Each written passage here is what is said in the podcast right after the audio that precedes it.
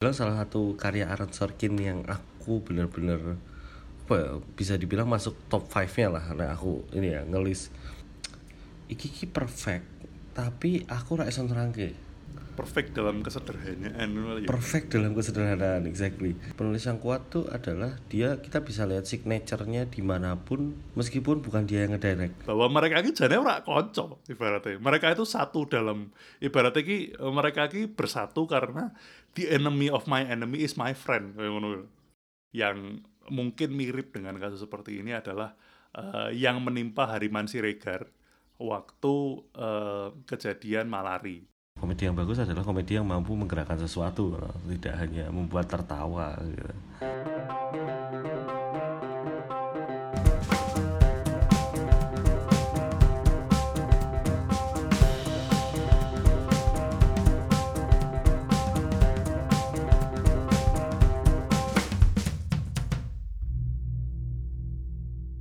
Ya, berjumpa lagi dengan Sinema Ngoko. Assalamualaikum warahmatullahi wabarakatuh. Waalaikumsalam warahmatullahi wabarakatuh. Dan apa? Tempo hari kita udah membahas tentang uh, Devil All the Time. Dan di situ Ya, kita sudah betul. menyebut beberapa kali bahwa kita akan membahas film yang satu ini gitu. Uh, Ya. The Trial of Chicago Seven. Ini sama-sama baru, sama-sama dari Netflix Mhm. Dan Oh, ya, original Netflix ya? dua-duanya original Netflix benar. dan ini cukup saya tunggu-tunggu karena eh, penulisnya juga salah satu penulis kesayangan saya Wah, betul, sama. yaitu Bapak Aaron Sorkin. Aaron Sorkin wah luar aku ki begitu rampung nonton film ini langsung batin wah best picture iki Edian aku langsung ngono Tapi belum karena beberapa sih. hal ya Eh, Napa? Nek iki nek sama Mas Gatot napa? aku beberapa hal sih yang pertama eh, yang pertama cerita Hmm.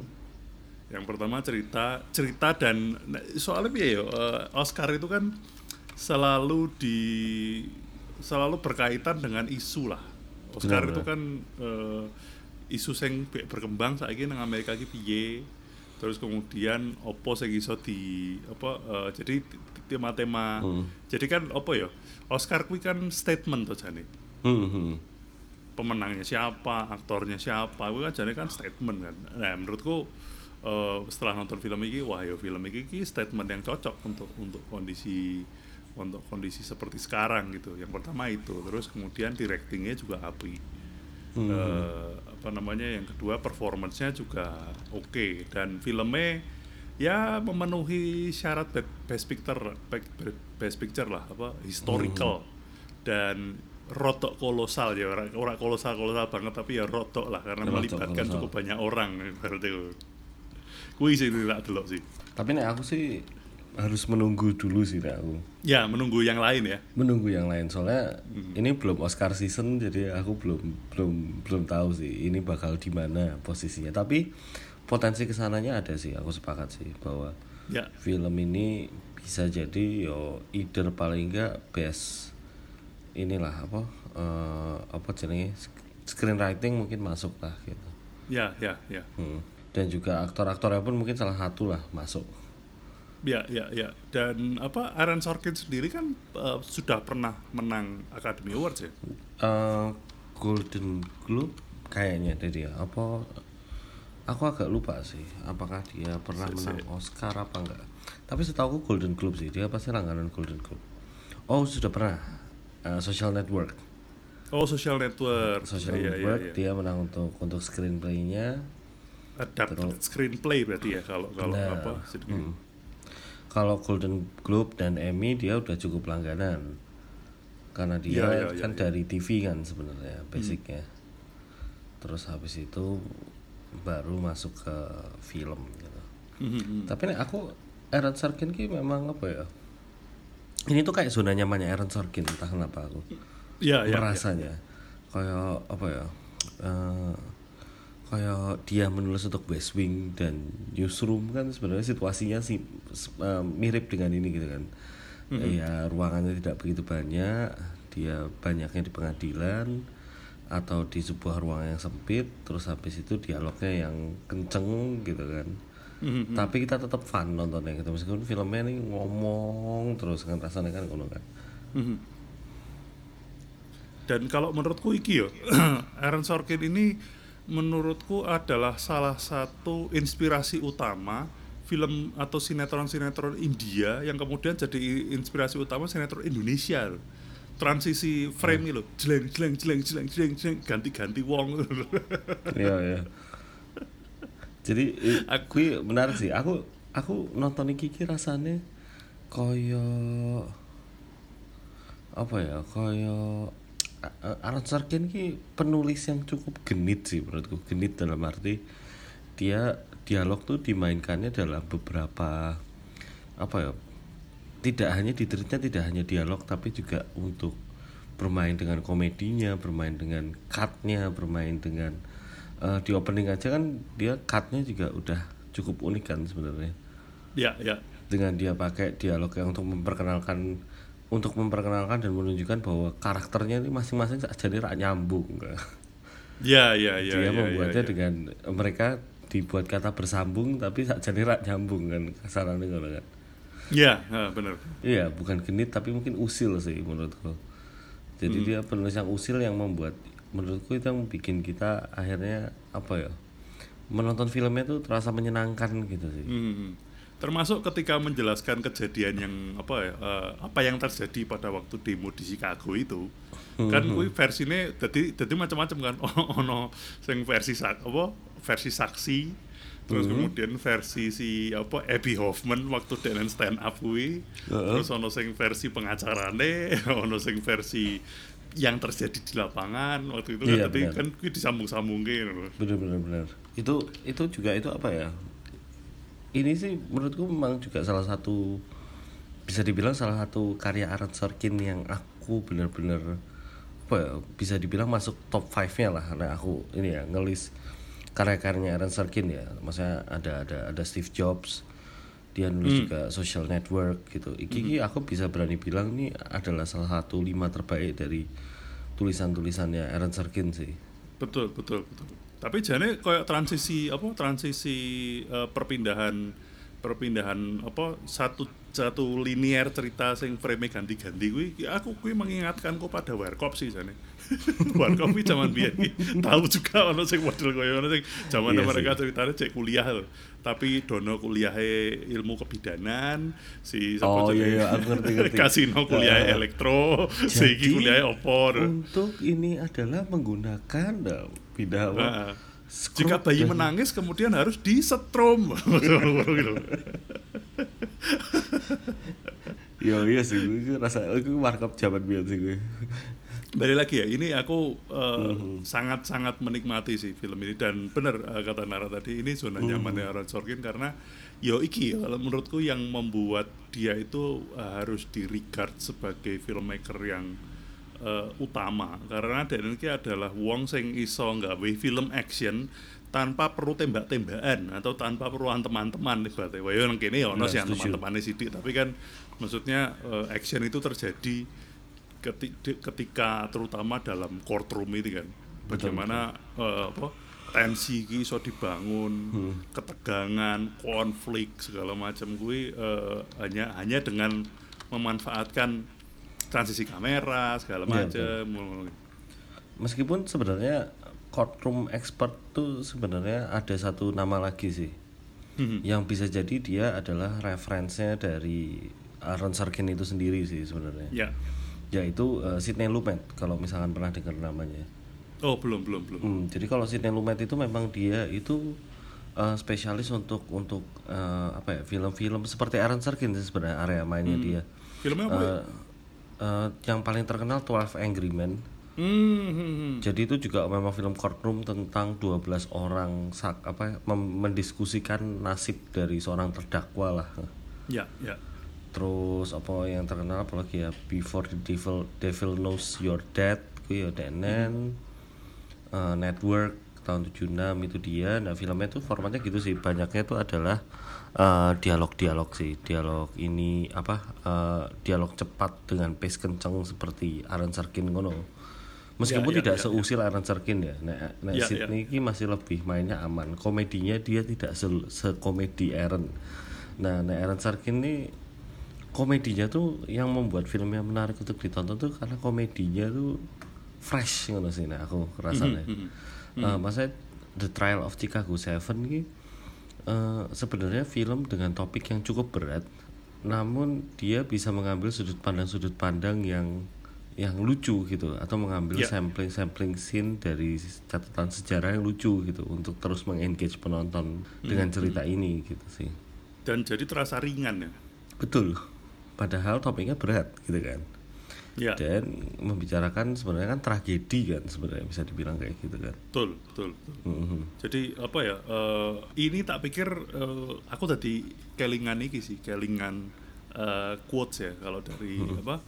Ada quotes yang terkenal dari eh, musisi jazz pemain bass Charles Mingus.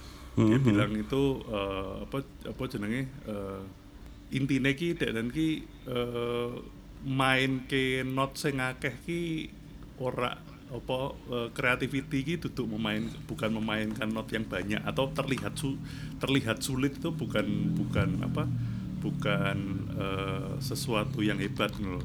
Nah, ki simplicity ki adalah sing paling sing Sepakat. apa ya eh, si, nek kue iso melewati kuwi dan kemudian menciptakan simplicity kuwi ki apa ya pencapaian yang terhebat tuh jane ki kuwi loh Aku setuju sih itu. Ini juga maksudnya membuat apa ya? Makanya aku aku selalu diskusi nek, antar penulis gitu sebenarnya yang susah itu bukan membuat drama. Nek gawe drama dalam sebuah penulisan tuh wong iso lah. Tapi yang susah itu adalah naker drama nih Dewi. ya ya Jadi ya. bagaimana cara dia bisa nyetop drama di porsi yang tepat sehingga itu cukup untuk orang dan juga cukup untuk untuk si untuk porsi drama dari untuk cerita itu sendiri gitu. ya ya ya iki ah iki quote iki wis ketemu tak googling di sana wae gitu. jadi eh, making the simple complicated is commonplace making the complicated simple awesomely simple that's creativity Iya, jadi iya. bilangnya ya. dan cuman kan nek, nek aku memaknai quote iki kan berarti kayak kudu melompat kan ibaratnya ya kowe kudu mudeng sesuatu yang complicated sih jadi kowe mulai dari sesuatu yang simple sampai tekan sing complicated terus kemudian piye carane hal yang sebenarnya sangat complicated iki digawe simple sehingga orang itu mudah menikmatinya lah iki ki sing tak rasake nang nggone film iki no. Ya ya. Sepakat sepakat sepakat sepakat. Hmm. Jadi memang apa ya? Itu pun sebenarnya kan hal yang memang di apa ya? Nah aku sebagai seorang filmmaker pun banyak ini sih eh, berusaha untuk mencapai itu gitu. Ya. Nek dhisik iki mbiyen ana satu apa director jenenge Jepang, wong Jepang jenenge Hirokazu Koreeda. Mhm. Nek tahu krungu. Nah, itu pun juga aku kelingan aku pernah nonton film terakhirnya dia tuh Shoplifter neng bioskop mbek konco-koncoku metu ki adalah kita kagum ya. Film itu tuh tidak spesial. Masa secara secara kamera tuh yo yo standar, secara aktor pun yo piawai tapi bukan yang aktor kayak Leonardo DiCaprio gitu misalkan gitu. Tapi Ya. film itu memberikan segalanya dengan porsi yang tepat. Sehingga kayak abis keluar tuh kita kayak iki iki perfect tapi aku ra iso nerangke. Perfect dalam kesederhanaan. Perfect dalam kesederhanaan exactly. Jadi nek meh diomongke ceritane wae iki sakjane yo premisnya tidak ada twist atau tidak ada hal-hal yang apa ya menggelitik kira ono. Premisnya itu cuman adalah eh, sekelompok yang ini sih sebenarnya agak menggelitik sih tapi yang shoplifter. Eh, sekelompok keluarga pencuri suatu hari menemukan anak terlantar dan dicuri juga. Nah, sakjane premisnya kayak ngono. Dicuri terus dirawat kan ngono. Hmm. tapi sebenarnya dia juga pernah bikin film kui ceritanya tentang dua orang anak yang ternyata waktu lahir ketukar keluarganya Hmm. Nah, gue kan sebenarnya premis putri yang tertukar. iya toh. iya juga sih. Tapi dicekel mbek denen gue kayak pas dhewe nonton juga kayak Asem. kita ini Iya, memang selama ini ya. Banyak meremehkan para pembuat sinetron. Kita Nggak, tidak sadar makanya. kalau referensi mereka itu sebenarnya Aaron Sorkin, Ah, sutradara ah, Jepang iki, Koreda, heeh. Koreda. Mereka itu sebenarnya investasinya tuh luas dan berusaha untuk memasukkan nilai-nilai ini kepada masyarakat Indonesia, mengedukasi asli deh. tapi yo ngono ya tapi sebenarnya memang tidak bisa diremehkan sih maksudnya mm, apa ya penulis sinetron itu saja aku adalah salah satu penulis yang aku respect sih. Karena Iya, soalnya ya, kejar satu, tayang. kejar tayang. Dan ceritanya Dua. kudu kudu manut masyarakat. bener. Mereka tuh berhadapan dengan sesuatu yang tidak masuk akal saja nih dengan hal-hal yang apa ya yo ngono lah masalah ini ono maksudnya kayak censorship kan di saja Ya, kan ya, hal yang saja absurd kan sebenarnya. Ya, ya. Duwe kenalan nggak penulis sinetron? Mungkin kapan-kapan bisa kita ajak sini ono. Mangko. boleh boleh Kita pengen nanya aja sih sebenarnya. Ono sih, ono sih. tuh sudut pandangnya seperti apa. Oh. Oke, boleh. eh, lah iki, kemudian eh, membuatku juga pengen bertanya ini karena Hmm. kalau ini eh, ter- ternyata aku juga baru tahu ya, ini adalah film kedua yang juga disutradarai oleh Sorkin. Hmm, Yang sebelumnya adalah Molly's Game.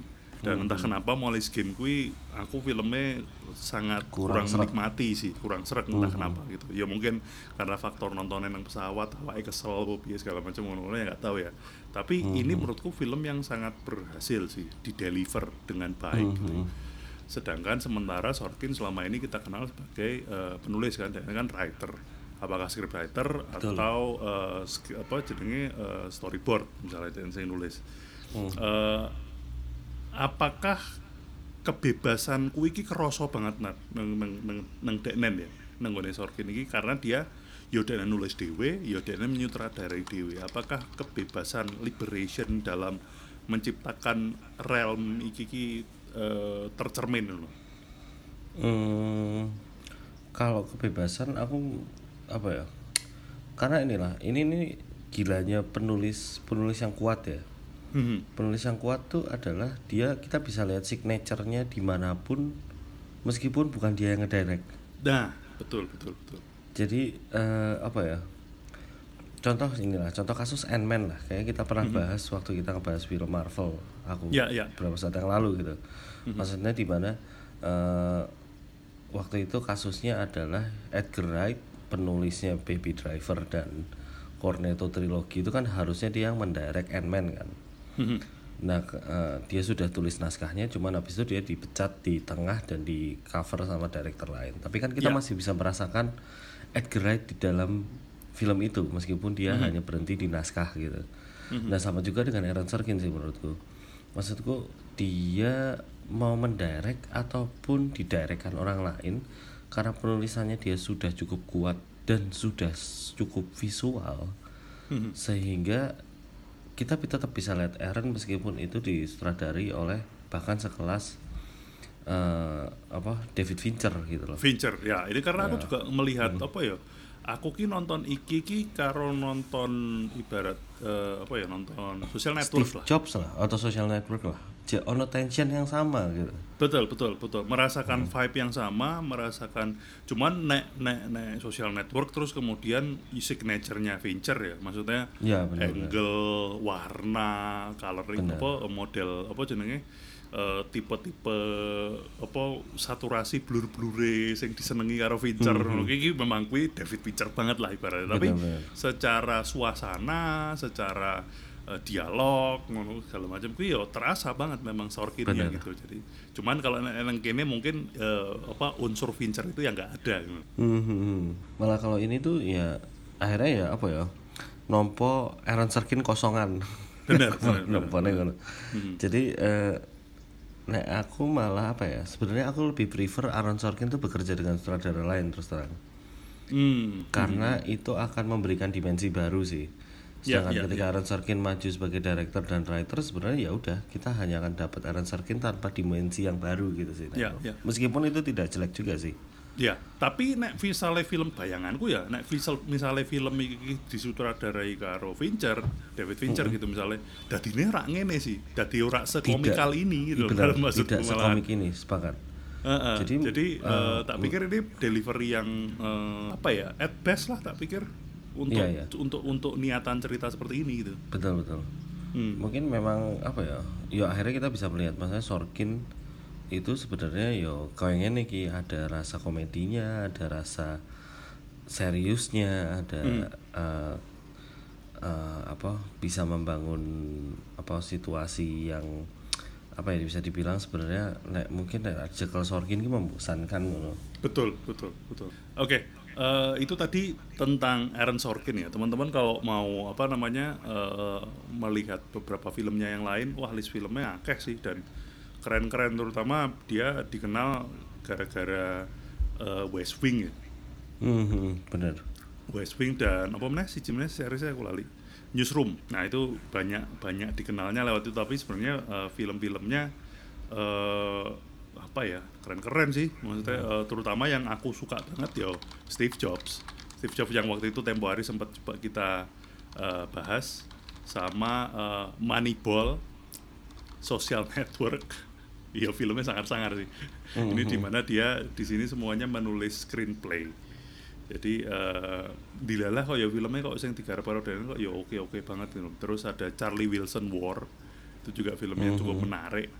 Eh sama kalau film lama itu ada A Few Good Men. Ini juga ceritanya tentang pengadilan juga A Few Good Men. Ya, heeh. Film lawas banget aku nontonnya zaman cek laser dis kok. Tom Cruise cek nom kok. James Nom bener. Nah, eh, tapi kalau kita bahas sedikit tentang cerita, jadi eh, film ini menceritakan tentang eh, peradilan terhadap sebenarnya delapan sih. Sebenarnya ter, delapan terdakwa. Tapi terus kemudian yang direpresentasikan oleh satu satu pasang pengacara ini ada tujuh orang. Itu jadi ada tujuh orang aktivis eh, yang melakukan eh, demo dan protes di Chicago terhadap konvensi Partai Demokrat dalam pemilihan presiden Uh -huh. dalam tahun 60 68 kalau nggak salah oh. kalau nanti hmm. hmm. 68 lah. yang itu berujung ricuh dan memakan korban lah nah, hmm. tapi yang menarik terus kemudian bagaimana uh, kita melihat bahwa peradilan ini tuh memang dirancang dan kui ket sin awal loh ket, ke sin awal itu wes di ditujukan lah ibaratnya teman-teman kalau mau kalau pengen tahu cerita lengkapnya mungkin uh, di Wikipedia ini lengkap banget cerita tentang kejadian ini bahwa memang peradilan ini wes dirancang bahwa yo iki butuhnya di orang-orang ini harus ditangkap dan mereka harus dihukum karena nggo nggo contoh ibaratnya Iya. untuk para aktivis-aktivis yang lain gitu. Ini sel- selain nah tadi aku bilang selain harusnya 8 ya. Selain tujuh orang ini ada satu orang terdakwa lain yang ini adalah pemimpinnya eh, ormas. ya. Aku mungkin bisa bilang ormas ya, ormas Black Panther. Ormas, ya bener sih. iya toh ormas Black Panther Eh, tapi ini tutup Black Panther sing superhero ya jadi di Amerika eh, Ada gerakan di era Black segitu Panther. ya eh, itu ada satu eh, apa eh, ormas yang isinya eh, orang-orang kulit hitam iki luweh nganu sih jane Black Panther iki luweh koyo milisi sih jane luweh ngeri sebenarnya dan orang-orang ini sebenarnya tujuh apa jenenge tujuh orang ini eh, itu kategorine nek menurut maratuwaku ya karena ini zamannya mereka kan.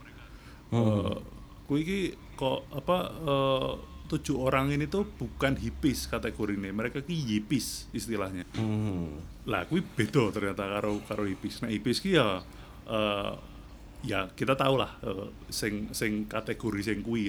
Lah hippies ini adalah hippies yang luweh eh, radikal sih lebih tepatnya luweh eh, tujuannya mereka ki luweh kalau toh kita harus mem- kalau toh kita harus ber- membuat kekerasan untuk meng- eh, mewujudkan keinginan kita yo mari ibaratnya kayak ngono gitu.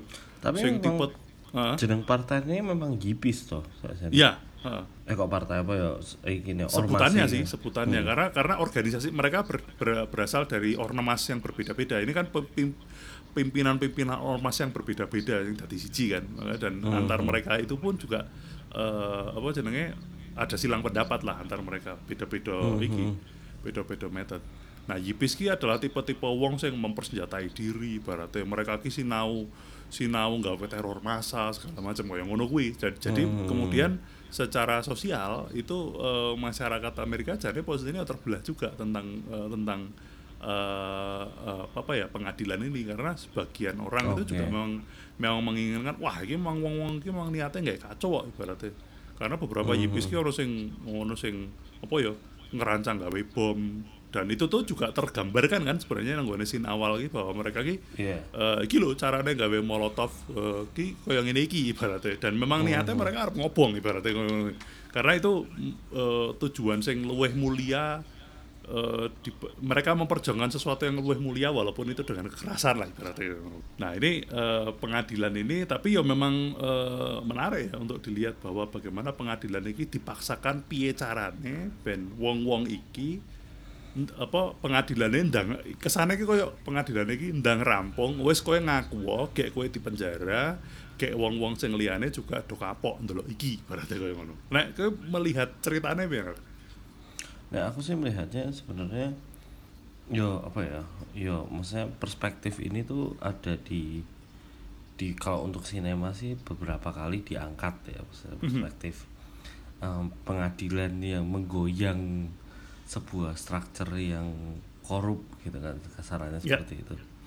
Nah, tapi aku pun melihatnya bahwa eh, di di perkumpulan ini pun yo ya yo di sini dia kan ada penggambaran bahwa mereka saat jadi rak seneng be Allen Ginsberg lah contoh kayak Iya, ngono.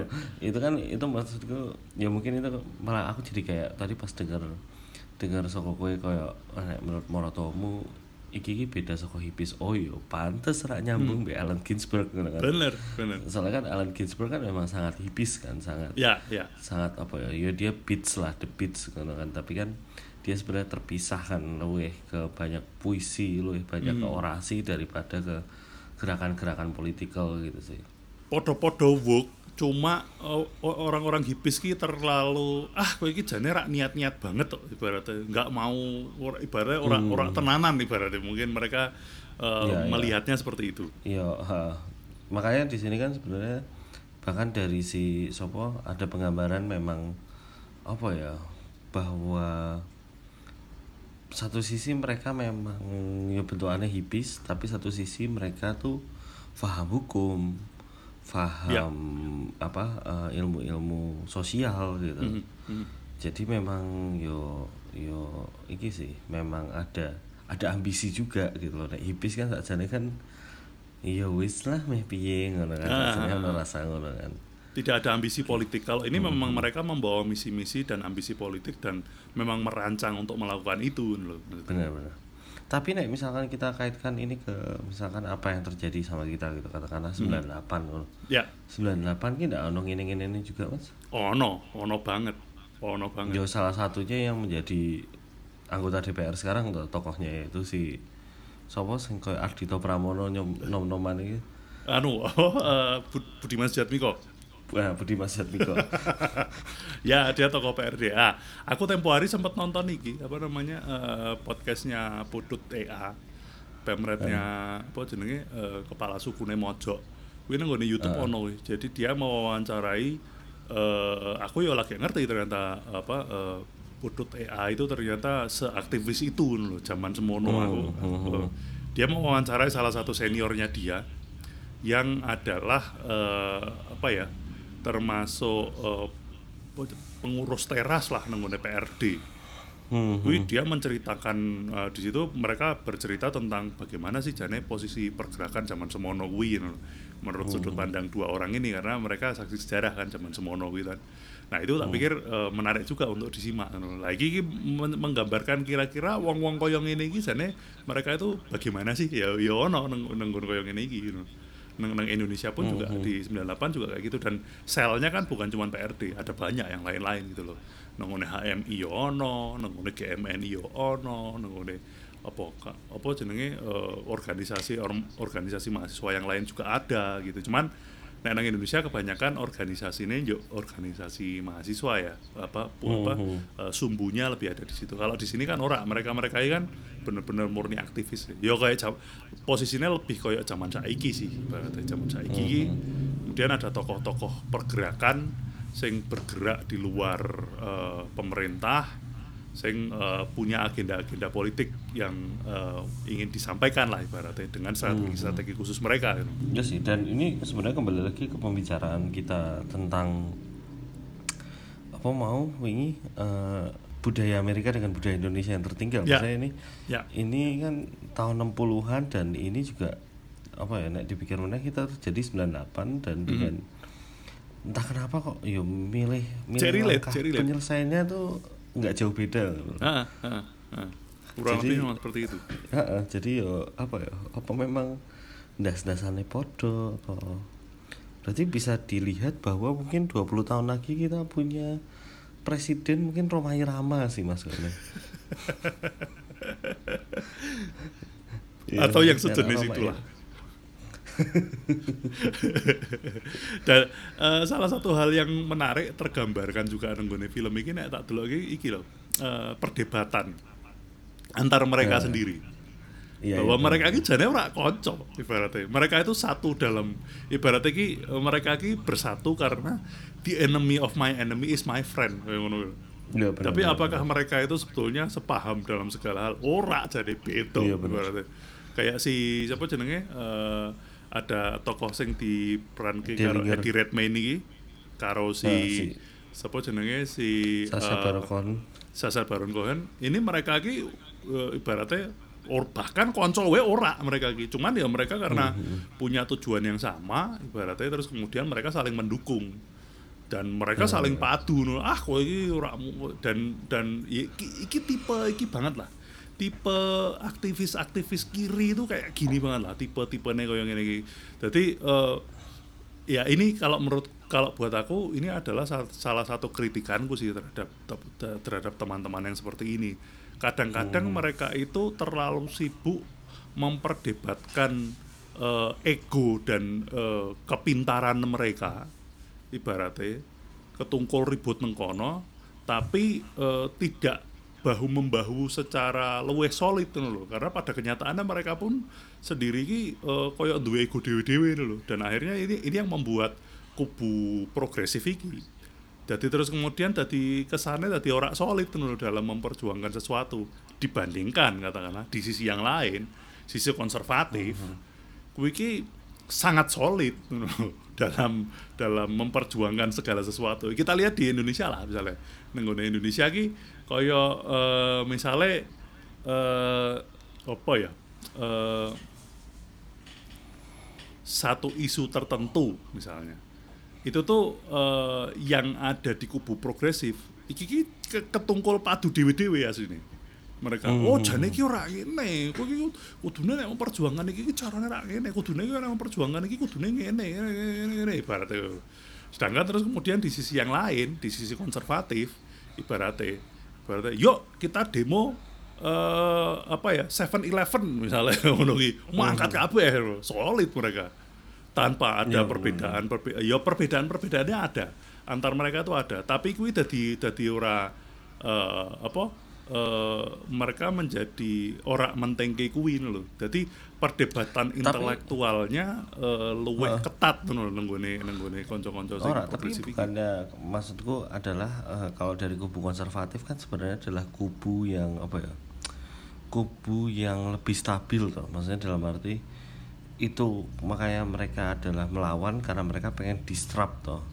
Ya ya ya apa yang sudah stabil tapi sebenarnya tidak ideal kan sebenarnya kan Ya. seperti itu kan. Mhm, mhm. Mungkin itu juga yang membuat akhirnya mereka lebih lebih solid sih terlihat lebih solid tapi yo eh, karena yo memang apa ya mereka solid karena mempertahankan apa yang sudah membuat mereka nyaman gitu contohnya mungkin kalau di Amerika yo eh, white supremacist kan juga hadir karena adalah mereka berusaha mempertahankan Mhm, mhm. Yo dhewe iki urip ngene wis enak ngono Mhm, mhm. tidak perlu lu- apa eh, kumpul mbek kowe sakjane ngono kan kasarane ngono kan Eh, sedangkan di ya eh, piye? tak pikir karena mungkin kubu konservatif itu ide dan id- apa ya ide dan wacana yang diperjuangkan ki ora akeh jane Hmm. Sedangkan nek nenggone kubu progresif, ide dan wacananya kan berkembang terus ngono. Ya betul betul. Sehingga terus kemudian percabangannya akeh dan isine ibaratnya isine wong pinter-pinter ki akeh banget nang kono dan eh, apa ya kultur beradu idenya itu kemudian eh, apa ya eh, pengetahuan mereka dibangun dengan kultur membangun eh, apa perang ide ibaratnya kaya ngono. Sedangkan eh, sing kaya ngene kaya ngene iki sing nang gone kubu konservatif ki ora ono karena kubu konservatif ini kan cenderung apakah di Amerika, apakah itu di Eropa, apakah di Indonesia, gue kan sebenarnya mirip-mirip kan. Maksudnya mereka rely on beberapa pemimpin kan ibaratnya beberapa pemimpin sing sifatnya rodo feodal kan kaya ngono. Iya, Maksudnya eh, eh, dan pemimpin-pemimpin sing sifatnya rodo feodal kan ibaratnya wis kowe mas apa wis masaku wis pokoknya kowe manut wae, manut wae karo aku. Lah masanya pun juga kan seperti itu kan. Eh, mereka tidak diajak untuk bersama-sama berpikir tapi mereka diajak untuk manut wae karo pemimpinmu ibaratnya. Sedangkan kalau yang di kubu progresif kan eh, pendekatannya terhadap masa itu kan beda. Mereka pendekatannya terhadap masa adalah yo masa itu mari diajak berpikir bareng ibaratnya kan kayak ngono. Hmm, hmm, hmm. Nek nek nek konservatif ki masane diajak untuk ben yo yang penting kowe manut wae pemain kowe tak jamin warek ibaratnya kan kayak ngono to. Nah, ini mungkin Benar-benar. perbedaannya sih. Aku aku mikirnya sih gitu. Setuju sih. Nah, eh, apa namanya? eh, dan kui nenggone film iki tergambar begitu jelas ya dari antara si dua tokoh iki Eddie Redmayne yang eh, ibaratnya iki aktivis rapi lah ibaratnya. Dan memang Dan eh, akhirnya dia terjun ke politik kan. Ah, memang. Dan itu memang wis niat kan? Ibaratnya memang niatnya Denen adalah aku pengen jadi anggota parlemen ibaratnya. Dan gue sesuatu yang memang wis dipikir ke saka kuwi no. Eh, terus kemudian di satu sisi ada si Abby Hoffman yang dimainkan sama Sacha Baron Cohen iki. Kuwi kan eh, sing sing apa ya sing gayane gayane gaya jalanan lah ibaratnya ngono iki Benar-benar. Walaupun ternyata kesan yang setelah aku apa ya sempat eh, dapat info dari mertua aku itu si Abby Hoffman waktu itu orang-orang bener-bener yo kaya ngono kuwi seperti yang digambarkan di film itu. Hmm, hmm, hmm. dan ki memang dagel wonge eh, sampai saking dagele terlalu dagel sehingga banyak orang yang menganggap pada waktu itu ah jane dan ki meng dia itu cuman clown lah ibaratnya sing rame-rame ketok tapi tokoh utama yang menjadi penggerak dan pemikir gue si setokoh yang dimainkan si, si Eddie Redmayne ini sapa tuh aku lali jenenge sik sik. tak delok sih Eh, Tom Tom siapa tuh? Tom Hayden Tom Hayden. ha. Tom Hayden ya kalau nggak salah. Eh, jadi dan dan satu lagi ya eh, kalau kita terkait dengan cerita, ki eh, pernyataannya si eh, Abby Hoffman di film ini eh, yang menyatakan bahwa eh, kenapa toh kowe kok ndadak eh, kenapa sih kita tuh semuanya kok ndadak repot-repot eh, berusaha untuk behave di pengadilan ini gitu loh. Iki ki hasilnya wis ditentukan. Dewi ki mesti di penjara wis toh. Kenapa ngapain Dewi dadak repot-repot ngono. Kenapa eh, ketika orang kan sebenarnya secara nggak langsung kan mempertanyakan kowe iki tong kowe iki ngopo toh nggak geger terus nang nggone pengadilan nggawe apa jenenge eh, apa ndagel terus marak ke diseneni hakim segala macam. Ini memper, mempersulit peluang kita untuk bisa memenangkan kasus ini. Sedangkan dan iki wis pada, ada pada pada realita wis toh dhewe iki wis ora mungkin menang nang nggone peradilan iki. Iki iki wis hasilnya wis ditentukan. Hasilnya wis ditentukan. Iki wis pasti kalah iki wis pasti di penjara. Cuma masalahnya sekarang pengadilan ini itu dilihat oleh seluruh dunia. Nah ini nek gua aku iki panggung gua aku jadi ibaratnya si Tom Hayden itu masih Benar, benar, berpikir bahwa piye carane ben aku iso memenangkan peradilan iki? Sedangkan si Abby Hoffman wis wis mikirnya wis wis to iki ki panggung gue dhewe iki ki wis kesempatan ya iki ki iki ki bagian saka revolusi nek nggodekne ibaratnya. Kan koyo iki ki wis eh, eh, nek istilahnya dia iki ki political trial. Sedangkan Tom Hayden menentang opo ora ono political trial? Atau pengacarane lah pengacarane kan James Halliday tuh. James Halliday Iya, ini Ready Player One Iya ya, ha. James Halliday. si dan dia ora ono political trial ki ora ono. Oh iki iki political trial ini tuh sudah ditentukan hasilnya. Dewi wis pasti bersalah. Dewi wis pasti di penjara. Se- Tinggal sekarang posisinya adalah bagaimana eh, aku menggunakan ini sebagai panggung show. Nah, ini memang ini menarik sih ada dua, dua sudut pandang itu karena untuk pemikir yang sehebat Tom Hayden aku pikir yo Dylan tak pikir yo naif juga sih berpikir bahwa Dylan ono kesempatan untuk memenangkan pengadilan ini loh dengan kondisi hakim yang sing koyo ngono loh hakimnya kan apa ya gua play banget ya gua telepon Iya. Tapi apa ya? Aku sih langsung yang tak cari googling pertama adalah Hakimi sih Barnatri. Karena apakah memang apa ya? Ya cek fakta lah maksudnya. Hmm, Apakah hal-hal yang terjadi di ini tuh hanya untuk drama Hmm. atau apakah memang senggateli itu memang segateli itu gitu. Jadi eh, tapi di sini berapa sih memang menyatakan bahwa memang ada cultural clash antara si Julius Hoffman itu sendiri dengan dengan dengan mereka sih gitu. Hmm, hmm. Nah, kui eh, apa namanya? Kalau teman-teman eh, aku juga sebenarnya sempat berpikir dulu waktu itu, wah sistem peradilan di Amerika dengan di Indonesia kan beda. Hmm, hmm. Maksudnya kalau di Amerika itu kan eh, apa namanya keputusan banyak ditentukan oleh juri kan. Benar-benar. Nah, terus kemudian eh, pertanyaan banyak yang bertanya, lah terus eh, sedangkan kalau di Indonesia eh, keputusan itu ditentukan oleh hakim. Lah kemudian banyak pertanyaannya ada adalah lah terus pengadilan yang Amerika ngopo dadak nganggo hakim ibaratnya kayak ngono kan. Nek ke- nek ka- nek KPK ditentukan karo juri terus nganggo hakim barang ngopo. Lah di film ini teman-teman bisa melihat bahwa peran hakim ki nek nenggone peradilan Amerika iki koyo ngene iki ngono bahwa dia yang Iya. menentukan jalur-jalur hukumnya apa yang boleh apa yang tidak boleh apa yang bisa Bahkan- di eh, keberatan atau apa yang tidak boleh keberatan ngono-ngono. Ya bahkan yang apa yang di bagian di mana dia sudah bawa si Michael Keaton Mhm. untuk hadir itu kan sakjane ya wis dipageri to kan. iya wis dipageri bahwa ya ora apa-apa saksi ini boleh tapi juri nggak boleh lihat misalnya kayak ngono kayak ngono gitu. nah ini, menurutku penampilan yang singkat dari Michael Keaton tapi very convincing kalau menurutku api sih Iya. Setuju, setuju, setuju. case-nya pas lah Ah. case, case-nya tepat lah untuk untuk untuk untuk peran itu ono Michael Keaton dan Michael Keaton memerankan mantan jaksa agung Eh, nah iki, iki iki menjadi gambaran juga tak pikir bahwa jaksa agung yang sekarang dengan jaksa agung yang kemarin itu ternyata berbeda afiliasi politik dan kemudian juga punya perbedaan sudut pandang dalam melihat eh, kasus ini gitu. Dan itu jadi perdebatan juga kan waktu itu di situ. Mhm, mhm. Di film ini. Hmm. Dan eh, kalau aku kembali lagi menyoroti masalah political trial ini, nang Indonesia yo yang ini ini sana wah kayak banget ini sebenarnya di, di, di hadapan kita tuh sebenarnya banyak banget terutama zaman orde baru ya zaman orde baru political trial Iya, ini benar. wah kayak banget lah ibaratnya kayak contohnya kalau kalau kalau di kita ya yang mungkin mirip dengan kasus seperti ini adalah eh, yang menimpa Hariman Siregar waktu eh, kejadian malari tahun 74 itu ya podo eh, posisinya Hariman Siregar ini posisinya ya kayak Tom Hayden iki. Berarti dia iki aktivis dia memprotes eh, dia dia turun ke jalan memprotes tiba-tiba kemudian demonya rusuh dan ricuh terjadi pembakaran di mana-mana segala macam. Dan kemudian dialah yang di apa ditangkap dan dia yang dituduh untuk eh, dia yang dituduh Provokator. menjadi provokator eh, apa namanya eh, kejadian itu. Padahal dan ini ya orang ngerti apa apa aslinya Eh, ibaratnya dia itu mangkat demo protes terus kemudian baru gue rampung balik wis ngono dan dia masalah rakyat dan segala macam eh, tidak ada sangkut pautnya dengan masa demo yang dipimpin oleh Hariman Siregar pada waktu itu tapi ya itulah yang diinginkan oleh pemerintah pada waktu itu.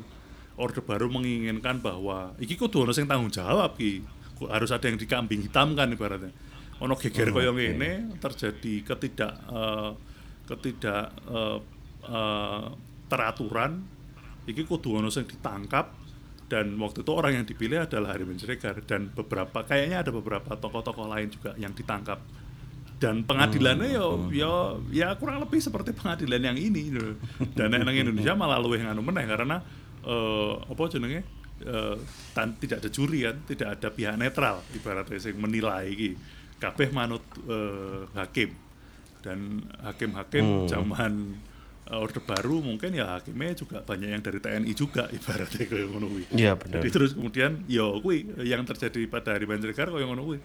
Dia menjalani eh, pengadilan tapi pengadilannya ya jane memang formalitas ibaratnya karena ya wis ngerti kok bakal dipenjara wis eh, cuman ya dia sudah menyadari itu ya ini mungkin komparasinya neng sampling lah hmm, bener Mm, mm, mm. Nah, sebaliknya kalau yang di yang lain terus kemudian ada pengadilan-pengadilan yang eh, eh, apa ya? Yang tidak publik mungkin terhadap eh, eh, penembakan aktivis mahasiswa Trisakti misalnya. Ya, yang masih diprotes eh, dengan aksi kamisan sampai hari ini. Masih dilakukan sama tem- eh, apa yang eh, sama keluarga korban lah ibaratnya. Weekend yo sesuatu sing wis ditentukan, sesuatu sing wis ditentukan dalam artian eh, target-target yang mau ditembak ki jane ki kui, kui ki bukan bukan ketembak sing ora sengaja lah ibaratnya. Memang wis. Dan eh, dan aku ngelihatnya pada waktu itu mereka jane rancangannya ki rancangannya ki wis tekan pengadilan eh, ibaratnya ki nek ki misalnya terungkap nek misalnya ki ora berhasil ono plan A plan B ini ki wis wis digawe lho. Yang dilempar sopo ki sono ya? Betul. Jadi ibaratnya aktivis yang harus di aktivis yang diincer ki sopo wis ngerti. Terus kemudian bariki sing arep dipakake ke pengadilan kuwi sopo ya wis ngerti dan nek misalnya kuwi tetap lanjut ibaratnya eh, kita melakukan pengadilannya seperti apa aku ya wis ngerti gitu. Teman-teman ada banyak artikel lah di Tirto tentang yang membahas tentang ini. gitu. termasuk eh, beberapa perwira militer yang eh, diadili di mahkamah militer. Kan kini ngerti ini cuma ini diadili nang mahkamah militer kan ngerti ini ngono sedangkan mahkamah militer itu kan pengadilan yang ora terbuka kan. Dia kan ngerti kan isinya apa cuman ngerti ini adalah perwira-perwira ini sudah disidangkan dan sudah diberikan ketentuan hukum eh, diberikan apa eh, eh, hukuman sesuai dengan ketentuan hukum yang berlaku. Kan ngono tok toh. tapi detailnya seperti apa kan kita tidak pernah tahu. Karena pengadilannya pun ternyata pengadilan militer. Sedangkan asumsi publik lah ini yang pinternya kan eh, hal-hal yang sifatnya politis ini kan pinternya adalah eh, bermain-main dengan asumsi publik. Asumsi publik adalah orang-orang ini sudah diadili berarti kan oh nek di penjara yo ber, eh, eh, nek diadili berarti berarti dihukum. Nek dihukum berarti asumsinya apa? Di penjara ibaratnya kan karena kan kau ngono kan bayangan kita kan. Asumsi publik adalah di penjara. Nek di penjara nek tentara di penjara berarti dipecat toh. Kan asumsi publiknya seperti itu. Tapi kenyataannya orang koyo ngono ternyata. Yo ono sak artikel ada ada beberapa artikel lah yang yang di di eh, beberapa portal Iki portal kok berita. enek iki deh, kudu kudu uh, dijogreske sih antara eh, apa membicarakan film dengan apa eh, podcastmu dengan Yogi. Sekali-sekali mungkin kita harus kolaborasi. Nah, ini kayaknya nanti akan Sebenarnya setelah tuh- ini ya. Setelah ini pasti akan ada Iya, cross. sebenarnya sebenarnya tahun depan itu eh tahun kema- kemarin sebenarnya harusnya tuh bisa cross sih. Membicarakan 30 SPKI kudune dhewe iso cross. Nah, karena ada ada produk film dan ada produk iki ya. Betul. Nah, itu. Ya nanti kita simpan untuk tahun depan.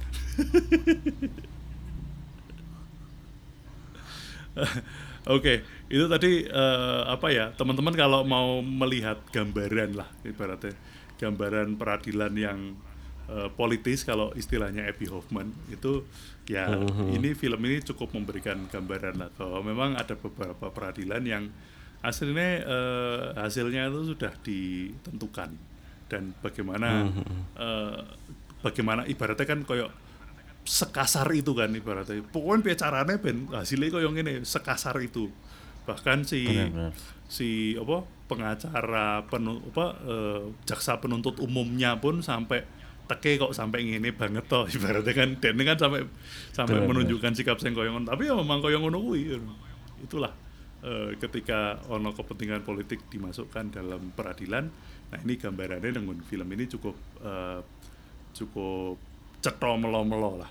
Benar-benar cetha melo-melo bener. Cetha melo-melo dan yo sih aku sih overall kalau secara produk film sih sangat apa ya menikmati sih film ini sih Mhm. Eh, ya untungnya juga dibungkus dengan bungkus yang menyenangkan oleh Aaron Sorkin lah Kalau performance benar, eh, performance para aktor dan Wah, yang tak soroti sih- salah satunya adalah casting ya, pemilihan castnya, itu ya kan? Yes. Eh, pendapatmu? kalau performance biasanya nek wis rombongan Aaron Sorkin ki memang wis wis apa ya yo sudah tersalin ya. dengan baik lah Heeh. Maksudnya em, castingnya dan lain-lain memang ya wis memang apa ya yo cocok lah aku ngomong maksudnya untuk masing-masing karakter dan aku tidak ada komplain untuk untuk actingnya sih terutama di sini gitu. Maksudnya ya yang istimewa tentu masih ada eh, si Sasha Baron Cohen. Yo seperti biasa ya performanya bagus sekali di Ya, sini. ya. terus Wong ki suka Eddie apa ya suka bias dengan Borat dan iki sih soalnya ya dan iki dinilai sebagai aktor komedi Hmm. walaupun jane dan iki betul eh, s- dalam banyak sekali penampilannya di film-film tuh very very convincing sih. Nenggon aku sing kelingan Bener, banget ki nang Hugo. Hugo dia mainnya apik banget. benar benar dan itu iki ya eh, ketutup toh TN Ya, ya, ya. Pemenang iki Borat bareng ngetokke sequel kan orang semakin kabur dengan dengan aksi aksinya dia di Borat. Walaupun Iya, jane iya, menurutku aktingnya di Borat ki jane api walaupun itu akting komedi ya. Itu akting Benar, yang benar. sangat me- meyakinkan. Mm, aku ngikuti dia tuh dari eh, apa jenenge LG in the House sebenarnya oh, kan G in the House ya. eh, aktor yang suka apa ya mengkritik kan sebenarnya Hmm, hmm. Bisa dibilang seperti itu jadi eh, banyak ininya dia memang yo untuk kritik sosial gitu Hmm. termasuk LG termasuk Borat kan sebenarnya arahnya ke sana kan gitu Ya komedi seperti waktu itu sudah pernah kita bahas sih. Komedi sing ultimate ki yo jane kritik kan kayak ngono kuwi. Hmm, benar benar.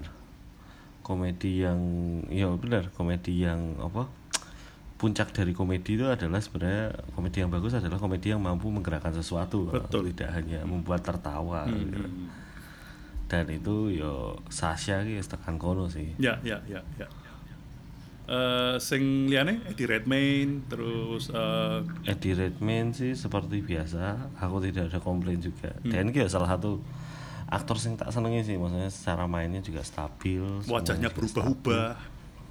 bener meskipun aku sebenarnya selalu melihat dia karena dia dulu main jadi wedok sama film apa sing tadi gitu apa transgender loh. Eh apa Dallas Buyers Buyers Club ya, bukan ya? Eh, Danish Danish girl Danish apa Oh, Danish Girl. Ya, ya, ya, ya. iya toh ah, toh. Sing entuk Oscar kalau nggak salah ya. iya sing yang dia dapat Oscar sampai sekarang aku selalu melihat dia tuh sampai sekarang kayak mukanya tuh sangat feminim sih. jadi memang yang dibaiki aku kayak dulu lagi kayak kayak buci tadi Oh, dan ini Di Oscar kepala nang nih. iki ding Theory of Everything ya, sing dadi Stephen Hawking. Oh, teori of everything Ya, ya, ya. ya. Heeh.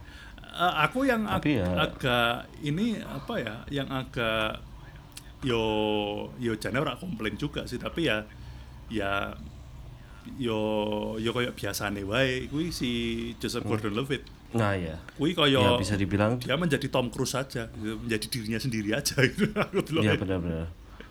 Kalau mungkin karena memang dia diambil karena image-nya itu kali ya. Hmm. Aku sih belum menyelidiki bahwa ya karakter yang diperankannya dia tuh eh, sebenarnya kayak tipe pengacara sih? sing koyo piye Heeh. Dia kan mainin jadi siapa ki Richard Richard siapa jenenge iki? Eh, Arthur Arthur Nene toh. Richard Schultz Ya Richard Schultz. Nah, apakah memang memang Richard Schultz ini Schultz ini seperti itu atau atau piye kan maksudnya aku belum lihat juga. ya ya ya ya Tapi yo aku sepakat juga sih bahwa yo aman sih dia cara ya aman di sini ah. aman aja. nggak nggak ada komplain memang cuman ya nggak Hmm. nggak nggak outstanding aja Mhm. ya anu lah nek nang MU kayak Michael Carrick lah mainnya ngono-ngono wae. tapi ya ora elek sih ya ngono wae nek nang Arsenal sapa ya yang Arsenal ki Bellerin lah. ya? Ah, yo bener Bellerin lah. Ganteng, iso tutulan klambi, tapi yang ngono-ngono wae. ora outstanding tapi ya ora tau elek tapi ora elek juga. Bener bener.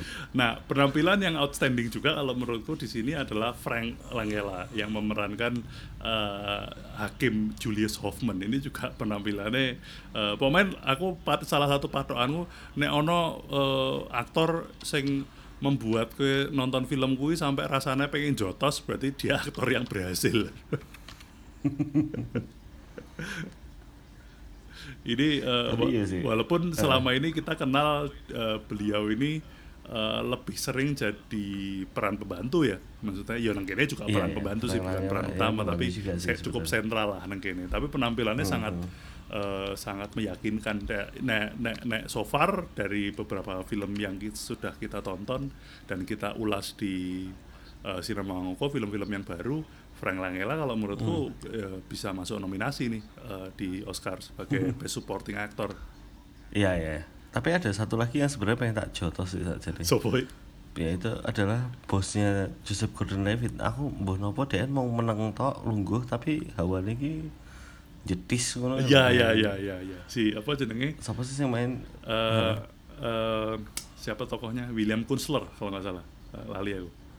Aku lali juga Ya, ya, jenenge. Tapi ya dia selalu duduk di sebelah tapi yo Dan ini kok agak nyebelin ya. main supervisi tapi kan nek aku deloknya dengan sudut pandangnya dari awal ya dari dari scene awal Eh. ketika dia menghadap ke jaksa agung ini ibaratnya dan kan sing alah kayak kayak kayak ibaratnya ini dan kayak ketiban pulung. Alah kasus ini sing nyekel kudu aku. Terus kemudian akhirnya dia memilih lah dia handpick kan. Eh, pengacara sing tak pilih nggak jadi jaksa penuntut umum mungkin sopo ya? Ibaratnya wes iki lah iki iki kono rising star iki tak pilih lah ibaratnya. Tapi dia tetap harus duduk di sana ibaratnya eh, jadi supervisor koyo koyo semacam supervisor kan. Jadi kan eh, mindset Danen adalah iki adalah political trial hasilnya wis ditentukan yuk piye carane? Iki ge endang apa ge endang ter, apa didakwa ge endang rampung ge endang balik ibaratnya kan koyo ngono kuwi lho. Cuma terus kemudian si apa eh, si Richard Schultz iki kemudian membuat berusaha untuk membuat peradilan ini adil dan berimbang dari kedua sisi ini loh. Dan kan tadi mikirnya, alah gue ki ngopo to wis to wis to ki ki ndang rampung aku ki pengen ndang rampung ndang balik ngono ibaratnya. Kemudian sampai pengadilannya kan sampai berbulan-bulan kan sampai eh, Bener-bener. 150 sekian hari sampai 100 Iya. eh, na- eh, 60 hari kalau eh, lebih lah ibaratnya. Kuwi nek aku ndeloke denen iki secara psikologis iki kaya ngono lho. Lah iki ngopo to dadak ngene-ngene bareng iki ngopo terus ibaratnya. Nah, kuwi nek nah kuwi dia performance-nya Orang juga yang mapan di bagus. dalam sistem. Bener. Ibaratnya pasrah pada sistem lah. Wis wis Iya iya. wis lah wis pokoknya wis pengen dan rampung lah ibaratnya cuman ki lah ki malah nyuen nyueni dan itu diperankan dengan baik sama si aktor Iya, ini iya. gitu. oke em, Bener-bener. ada lagi mungkin yang mau kita bahas tentang film ini Eh, yang jelas film Aku ini adalah cukup sangat eh, direkomendasikan buat siapa saja ya untuk menonton film ini betul betul. karena film yang anda tidak mudeng konteksnya saja film ini tetap menyenangkan untuk ditonton Betul betul. Hmm. jadi eh, apa ya untuk teman-teman yang nggak suka film berat pun ini menurutku sangat eh, film yang bisa menghibur kembali lagi ke pembahasan kita yang tadi bahwa ini sesuatu yang komplik complicated sebenarnya tapi disampaikan dengan cara yang sangat simpel dan ringan sehingga bisa kita nikmati sebagai produk pop ibaratnya Mhm. gitu oke Oke. kalau gitu terima kasih Bung Nara atas eh, you. waktunya eh, film yang sangat menarik dan oh ya mungkin nanti setelah ini eh, Sinama Ngoko akan tampil dengan konsep yang kita tweak sedikit lah. Nanti akan ada beberapa hal-hal yang baru di Sinema Ngoko. Mungkin Eh. tidak cuman kita berdua tapi mungkin kita akan ngajak teman lain. Karena kita sudah berencana cukup lama nih untuk ngajak teman-teman lain untuk ngobrol dan membahas film-film dari sudut pandang yang bukan cuma sudut pandang kita berdua tapi ya ono sudut pandang saka konco-konco sing liyane lah. Nanti kita lihat aja hasilnya eh, seperti apa dan sopo wae sing dijak. Nanti kalian tunggu saja dan sampai bertemu di episode Sinema Ngoko yang berikutnya. Terima kasih.